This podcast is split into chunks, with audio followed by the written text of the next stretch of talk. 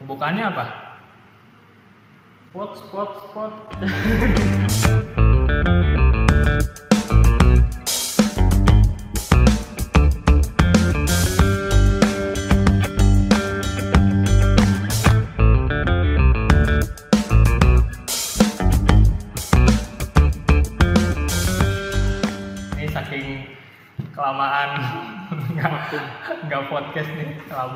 Terakhir episode terakhir berapa? Kapan? Maret. April.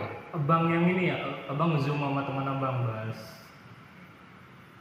Yang abang zoom. Oh, yang gua sendiri itu Iya. nggak dimasukin ke pot sampling, masuknya ke channel gua. ih di pot samping bang. Oh iya ya. Oh. Yang pakai zoom ya. Mm-mm. Ya, pokoknya selamat datang di Pod Scambling. Setelah sekian lama, Iya terus kita tidak berduet mengikuti momen eh, Coki Muslim yang sudah sudah sejahtera di sana. tapi dia ini loh, nggak di penjara ya? Enggak, langsung di ini kan di rehab. Enak ya.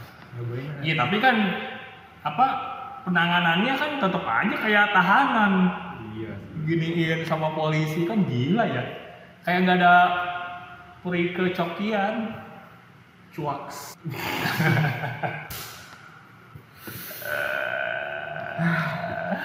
Wididiu, wududu. Betulan si Sandi balik lagi ke Bogor selama ini dia ngerem di Tangerang. Jadi kita bisa mulai podcast lagi ya. Tapi seperti biasa walaupun kita podcast kedua yang Ya mau ngomong cuma dua doang kan capek ya. monolog sih podcastnya. Iya jadi monolog kan. Aduh, lama-lama ini jadi apa?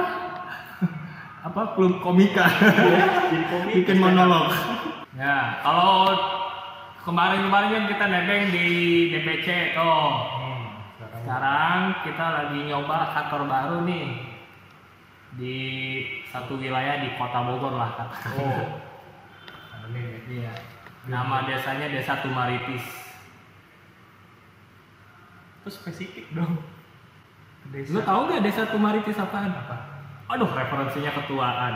Desanya Petruk Gareng, Aduh. Tatang S. Waduh, ketuaan referensi gua. Tapi yang nonton kayaknya tetap juga nggak ngerti sih. Paling Bang Joko yang ngomong. oh iya benar. Seumuran soalnya. Harusnya tuh kan gue bikin podcast sama si Joko, cuma si Jokonya nggak terlalu nggak tahu ngomongnya doang tuh. Eh kamu Joko, katanya kamu mau podcast sama saya. Kita udah gua udah bikinin channel baru, namanya Pojok Podcast Dede Joko bicara. Kan keren tuh. Tapi sempat nyobain kan. Hah? Sempat ngobrol. Harusnya kan gua gua mikirnya gini. Kan pojok apa ya sih Dede Joko, Dede Joko DJ, DJ podcast, pod J, pojok, pojok, pojok, bicara. Oh iya gua bikin. Terus gua malah kepikiran pod Kamling, podcast Dede Sandi, Cumli. Cumlinya apa ya? Gua mikirin lama banget gua mikir cumli apa ya cumli ya. Aduh, aduh apa ya? Cuman apa ya? Aduh. Itu doang namanya yang beda ya. Berarti kayak pojok kan Joko sama Dede Nah. dapat nih, dapat kambing doang nih. Iya pada, Apa pada akhirnya kan mulai disambung-sambungin tuh DS tuh Dede Sandi kan. Dulu mah kan nggak kepikiran cuman bikin satu podcast namanya Pods. tadinya sih buat nyaingin podcast mas, podcast mas jadinya kan post kamling sebetulnya. Cuman di di rada-rada ini terus kita cek juga di Spotify sama di YouTube udah ada tuh post kamling tuh. Makanya kita ganti namanya sedikit berbeda. Agak Jadi pods cumling. Niatnya sih ngobrol-ngobrol post kamling gitu tadinya. Ngobrol-ngobrolan Ah, ala Cuman kan nggak menjaga keamanan malah debar. menebar kemaslahatan. Kacau lah pokoknya. Tapi ya ini tempatnya lumayan bagusan ya. Bagus sih view-nya. Ya, Jauh lebih baik. atapnya juga udah bagus. Cicaknya juga ada bagus. Cicak, Iya. ada AC. Iya. Ya tapi karena ini belum didesain sedemikian rupa, Hmm. jadi emang belum belum layak ya dipakai buat podcast ya, apalagi buat studio YouTube ya. Mm-mm. Jadi emang harus ditambahin sekat-sekat, minimal suaranya nggak menggema ya. Iya ini Eh, ini terlalu menggema ini nanti kita ya sedikit-sedikit lah sama aksesoris dan lain-lain. Doakan saja semoga yang nonton ini bisa nyawer. Nanti ke depannya kita juga buka apa? Apa sih Kita bisa aplikasinya? com. gue lupa. Kita bisa.com bro. bukan kalau itu mah. emangnya kita pemuda tersesat? Kita udah sih sebetulnya. Cuman belum. Bukan apa sawer apa sih? Saweria. Saweria, Saweria kalau enggak kalau yang keren kan dulu eh, Patron apa? Pytren. Itu mah. Ustadz itu Yusuf. Bukan yang streamer-streamer itu.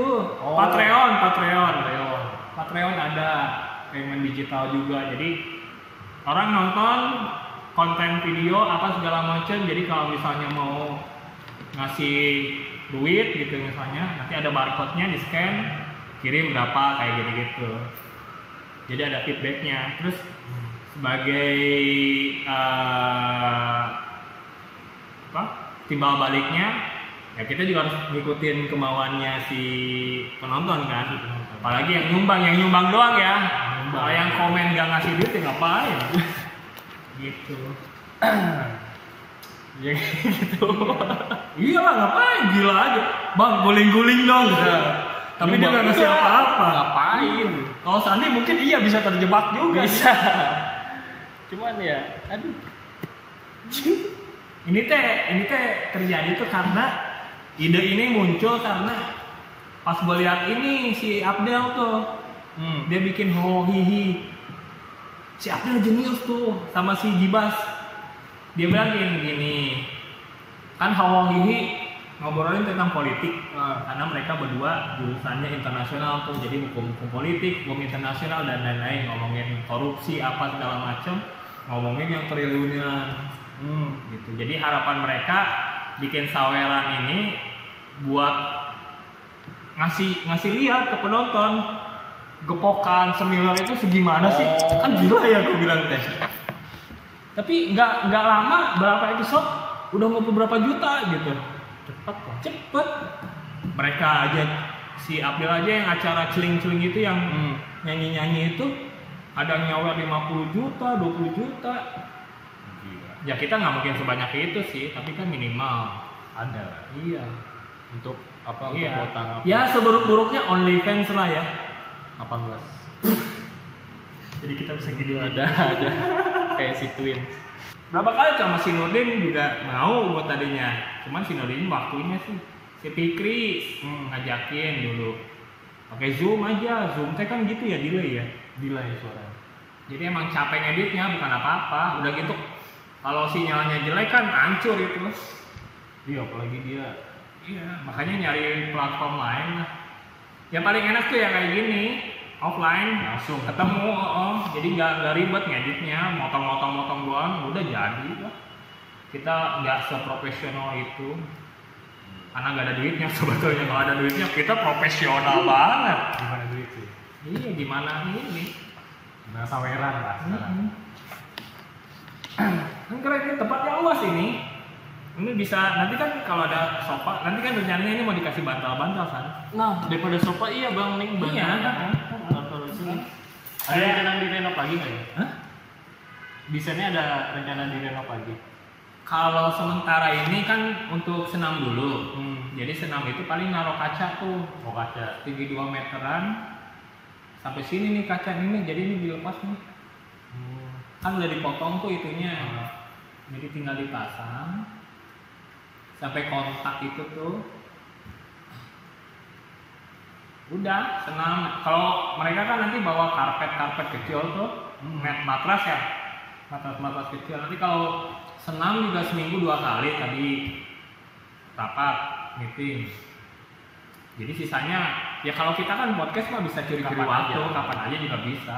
Kalau masalah lighting nunggu cahaya juga ya bikin aja cahaya sendiri juga masih bisa sebetulnya. Ya sial-sialnya ngedit dikit lah. Nah, Heeh. gitu.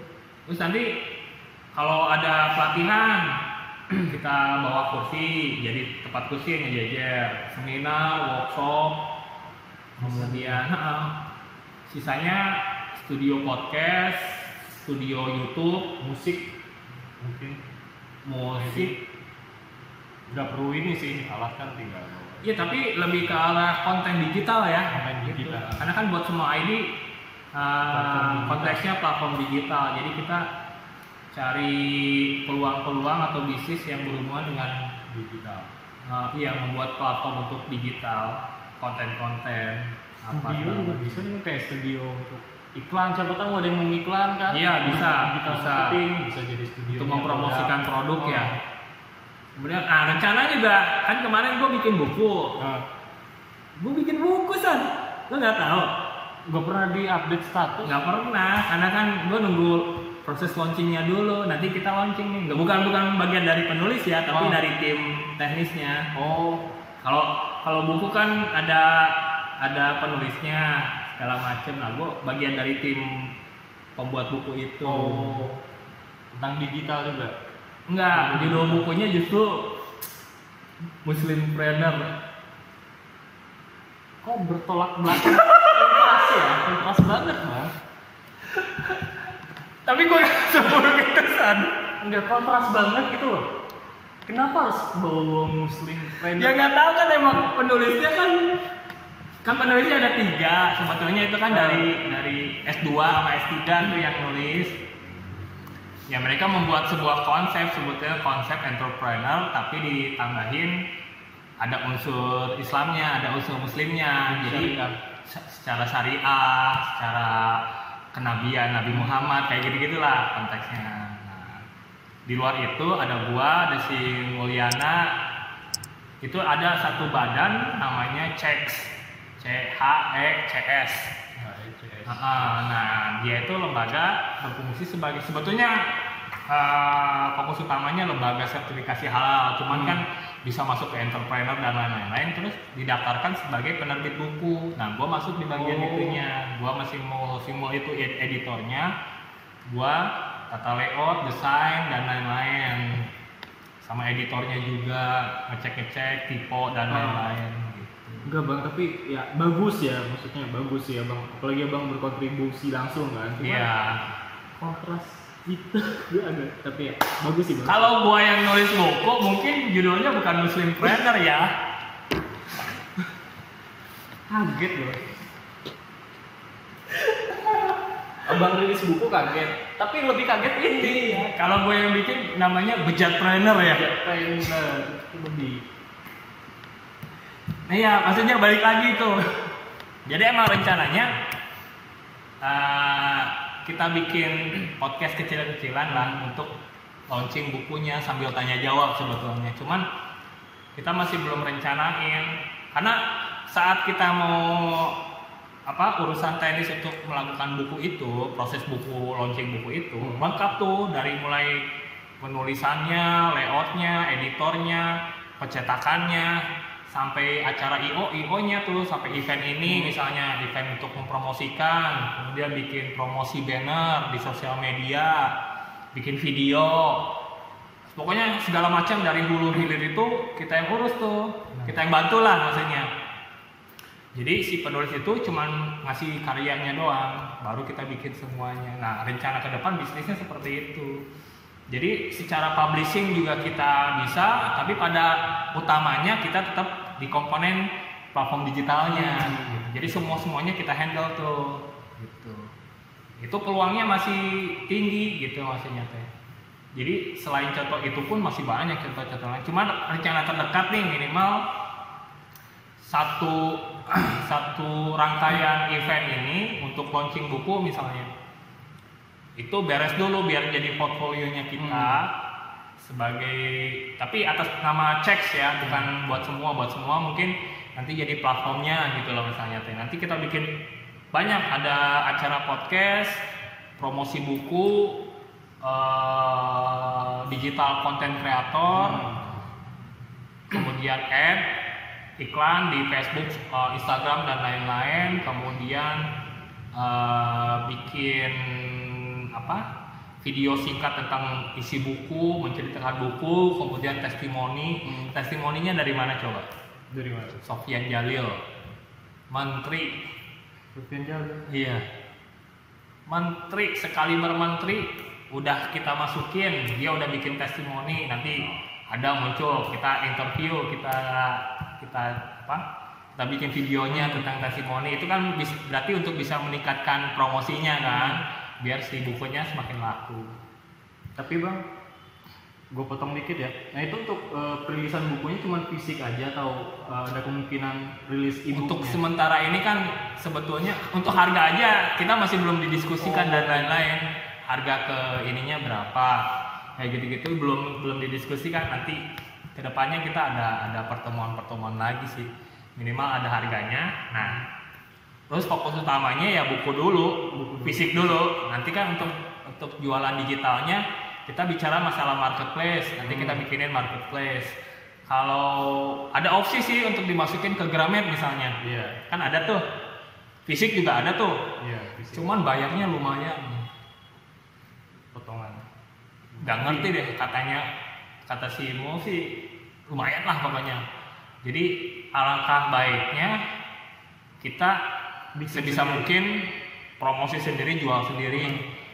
Uh, terus kalau digital pun kita bikinin marketplace-nya sendiri gitu. Atau se- sejelek-jeleknya taruh di Tokopedia kayak Hmm. Bukalapak kayak apa segala macam. Toh sekarang marketplace sekarang juga udah bagus-bagus kok Iya. sebetulnya dibandingkan dengan yang lain. Dan kita nyetaknya juga di IPB Press. Bagus lah IPB Press. Terima kasih banyak IPB Press sudah membantu kami untuk mencetak eh, buku eh, pertama kami. Eh, kami ucapkan terima kasih banyak atas kerjasamanya. Tuh. boleh spoiler dikit bang jadi target buku ini kalangan milenial kah atau semua kalangan Kalau gua lihat sih lebih ke arah semua kalangan, cuman eh, segmen pasarnya yang tertarik dengan usaha bisnis intinya sih. Kita yang mau berjiwa bisnis atau mau memulai usaha misalnya. Aku pengen usaha, usaha apa ya? Hmm. Tapi kalau gua mau usaha nih, ini bagi yang rada-rada masih polos ya, masih sedikit berakhlak lah.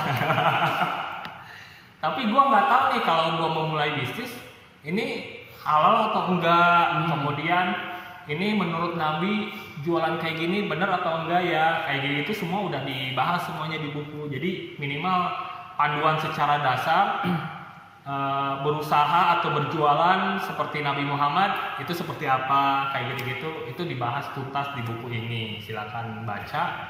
Menarik bukunya. Sekelas menteri aja dibilangnya menarik kok.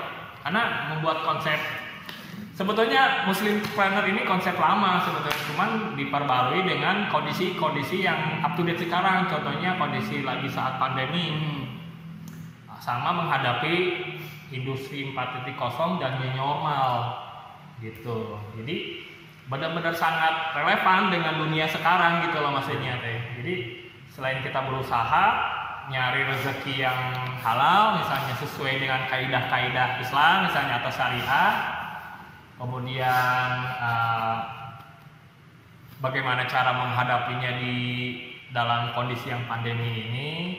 Jadi nggak semua semua uh, main main usaha aja Iya. gitu. Kalau dulu kan gue pikir juga kalau mau usaha ya modalnya nekat aja gitu maksudnya teh. Iya jadi kalau misalnya gue mau usaha kopi ya udahlah usaha kopi harus nekat gitu tapi nggak berpikir. Kalau tapi dulu gue mikirnya kalau gue mikir-mikir gak jadi-jadi. Nah makanya gue nyemplung aja. Cuman saat nyemplung itu jadi seolah-olah gue nggak tahu nih yang gue lakuin ini sesuai dengan kaidah-kaidah Islam atau enggak kan gitu. Gitu maksudnya teh. Jadi main nekat main jadi. Masalah laku enggak mah gimana yang penting action dulu. Minimal kita dapat pengalamannya waktu dulu banget ya pertama-tama ya. Minimal kita dapat pengalamannya dulu.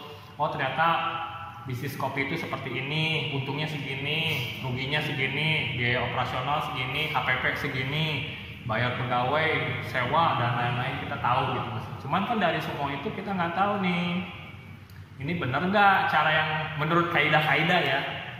Kalau masalah benar mah kebenaran hanya milik Allah Subhanahu wa taala. Hmm, milik yang di atas lapor apa maksudnya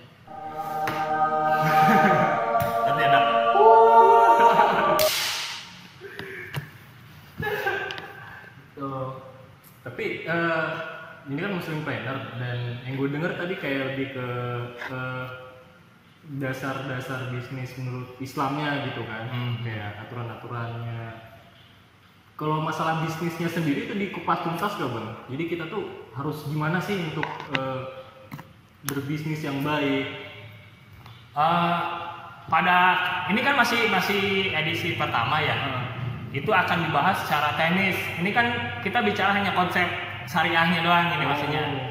Entrepreneur tapi berbasis syariah jadi berubah namanya menjadi muslim planner.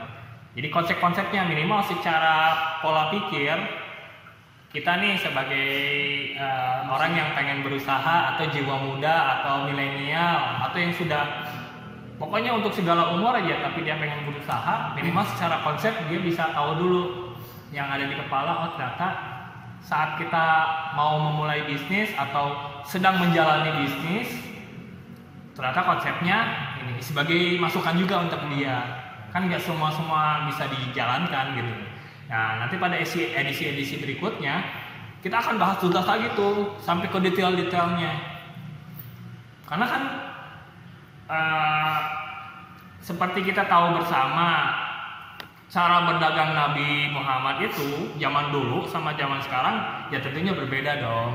Ada beberapa yang kaidah-kaidah yang bisa digunakan relevan dengan zaman sekarang. Tapi juga ada beberapa yang udah nggak up to date gitu misalnya. Kan zaman dulu nggak ada GoPay. Ya Benar, kan? iya Gojek aja masa pakai onta. Gonta jadi ah wow nanti bukan jangan lupa lima bintangnya enggak gitu. Nanti jangan lupa dua punuknya. Mentah dua punuk. Nanti kalau orang ngasih tip uang ini ngasih tip jerami. Bahan bakar untanya gonta. Nanti gua bikin ini gontanya di sini. Lucu kayak gitu.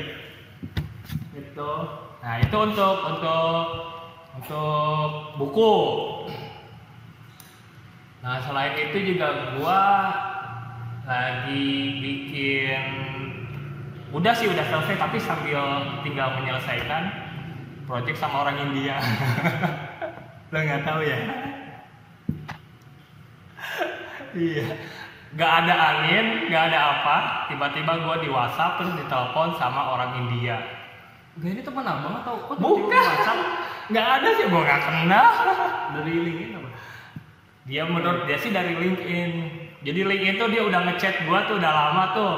Terus gak ditanggapi kan siapa? Tahun ini tahun sekarang ini zaman sekarang yang ngecek LinkedIn. Ah. nggak ada gitu. Ada gua ngecek ngecek pun nggak pernah gua tanggapin gitu. Nggak nge gua juga. Akhirnya dia ngechat kan WhatsApp terus may I call you? Aduh, bahasa Inggris nih. Pas ditelepon beneran orang India. Cuman yang aneh, orang suaranya India, ngomong ngakunya orang Kanada, Keturunan? kayaknya dia lahir di Kanada, keluarganya orang India, Ah. gitu. Jadi ternyata tuh dia eh, konsultan perusahaan, apa sih konsultan pelatihan gitu untuk perusahaan-perusahaan. Pas gua mau cek webnya, timinsconsulting.com gitu kalau nggak salah. Perusahaannya internasional, ada 11 office. dia CEO nya. Dia si CEO-nya gila gila. Aduh, udah udah becek, panjang lebar, ngobrol panjang lebar kan. Kalau kita nih orang Indonesia nih ya, ngobrol orang Inggris karena kita nggak biasa kan berarti kita di otak ngomong Indonesia nih, Ah. ya kan? Terus ditranslate ke bahasa Inggris kan dua proses. Ah. Capek banget. Sambil mikir sambil Udah gitu mana dia ngomongnya cepet kan? Wushi wushi wushi. Oh, yes, please slow, slow down, slow down. I can understand you if you talk fast, gue gitu. Tapi untungnya berkat kecemerlangan gue, enak. Akhirnya project itu dapat, dapat. Tadinya kan ditawarin, Hmm. gimana kalau freelance? Segini. Per hour kan hitungannya per hour kalau mereka wah kalau per hour gimana ya? Gue bilang gue udah nggak main kayak gitu gue bilang kayak gitu. Karena dia dia lihat LinkedIn gue juga udah uh, founder buat semua director apa segala macem. Mungkin dia juga kagok ya. Ya udah ya udah gue bantuin aja. I'm helping you gue bilang kayak gitu. Kadang gue pikir nggak semua semua project itu ujung-ujungnya duit gitu loh minimal ke depannya kita punya deal-deal bisnis yang jauh lebih menguntungkan kita gitu misalnya tuh ya. nah itu yang gue ambil peluang itu yang gue ambil gue bantuin dia. Ternyata dia banyak tuh bikin buku pakai Adobe InDesign. Sama mumpung mumpung gue baru beres kerjain Muslim Planner kan Project buku. ya. project buku. Pas ngecek ada 40 buku.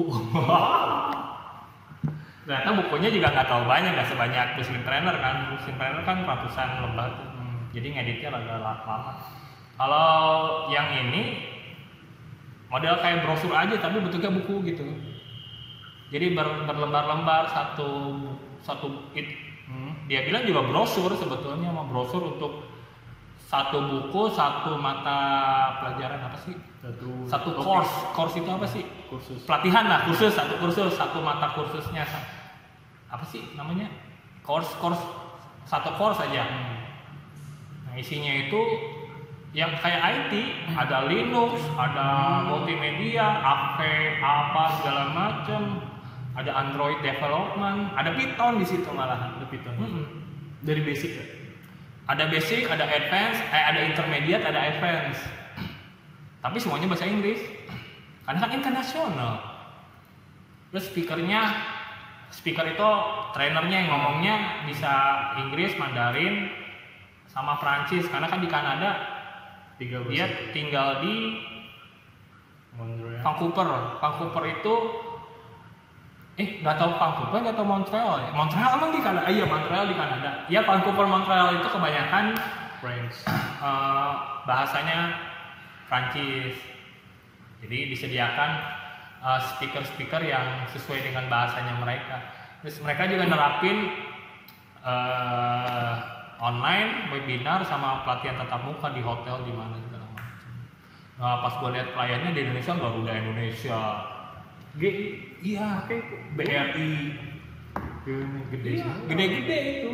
Terus gue pas gue cek kantornya di Kelapa Gading, daerah elit. konsultan ini. Iya. Kantornya di Indonesia nya ya? Oh ada. Iya. Indonesia, Malaysia, Thailand, Vietnam, terus Prancis, Inggris. Oh ada deh nanti ditampilin deh petanya deh di sini deh. Banyak ternyata. Gitu. Tahu gitu, gue hitung per dolar aja ya. Oh jadi ini nggak pakai dolar jadi hitungan rupiah makin. Enggak, itu aja bantu. Jadi Oh, bantu. harapan gua ke depannya ada ada deal-deal dari dia nih yang Oh. bisa menguntungkan buat semua misalnya kantor gua misalnya. Jadi bisa ada ada bargainingnya gitu loh maksudnya teh. Harapan gue sih ke arah sana. Cuman kan ya namanya deal bisnis itu kan sebetulnya nggak nggak sekali dua kali harus di maintain terus. Iya. Nggak bisa langsung udah ini udah selesai udah ya. Dadah nggak gitu harus kita terus aja sosok terus. Sampai sekarang pun masih masih komunikasi via chat dan lain-lain. Bahkan dia kaget gitu maksudnya teh ternyata eh, orang Indonesia gua gitu misalnya kok apa sih rada-rada nggak formil ya katanya teh. Hmm. dari dari kaku pokoknya profesional banget ngomongnya. Yes sorry yes apa segala macam. Pokoknya bahasa bahasa Inggris profesional ya. Sampai fuck you. Go to hell apa what the fuck kayak gitu keluar udah sampai saking deketnya gitu loh maksudnya teh. What the fuck are you doing now? Katanya teh. What the fuck? Gue bilang ya I'm masturbating. Dia oh, oh, oh, lol lol lol. Kalau gue kan tetap WKWK gitu. Ngakak lah pokoknya orang ini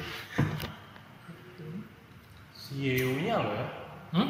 CEO-nya ya nanti ada namanya Raj Raj apa gitu? Raj Kumar. dia CEO Optimian Consulting.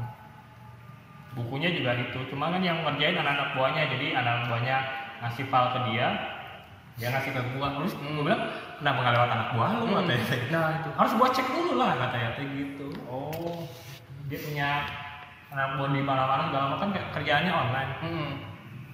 itu di kantor ini di kantor ini segala macam. Sebetulnya dia minta tolong ke gua itu udah ada yang biasa ngerjain ini. Hmm. cuman dia nggak pakai Adobe InDesign gitu pakai Corel gitu pakai apa gitu. Hmm. atau Word doang. Nah karena covid Oh, nggak bisa ini nggak bisa ngerjain kan. Akhirnya lempar ke ditawarin ke gua. Terus selain buku sekaligus website website juga. Oh, oh, websitenya juga gua handle dan lain-lain. Gua bantuin lah maksudnya teh. Dia pakai WordPress ternyata. Sekelas Itu, nasional. Iya. Jadi bikin website untuk office-nya, office pusatnya di Kanada. Kalau yang dia udah bikin kan udah ada beberapa Hmm. sampelnya dari website yang dia bikin di Malaysia. Hmm. Tuh. Oh, udah bapak pulang. Ya, segitu dulu, oke? Ya. Oke di Samsung. Oh, balik.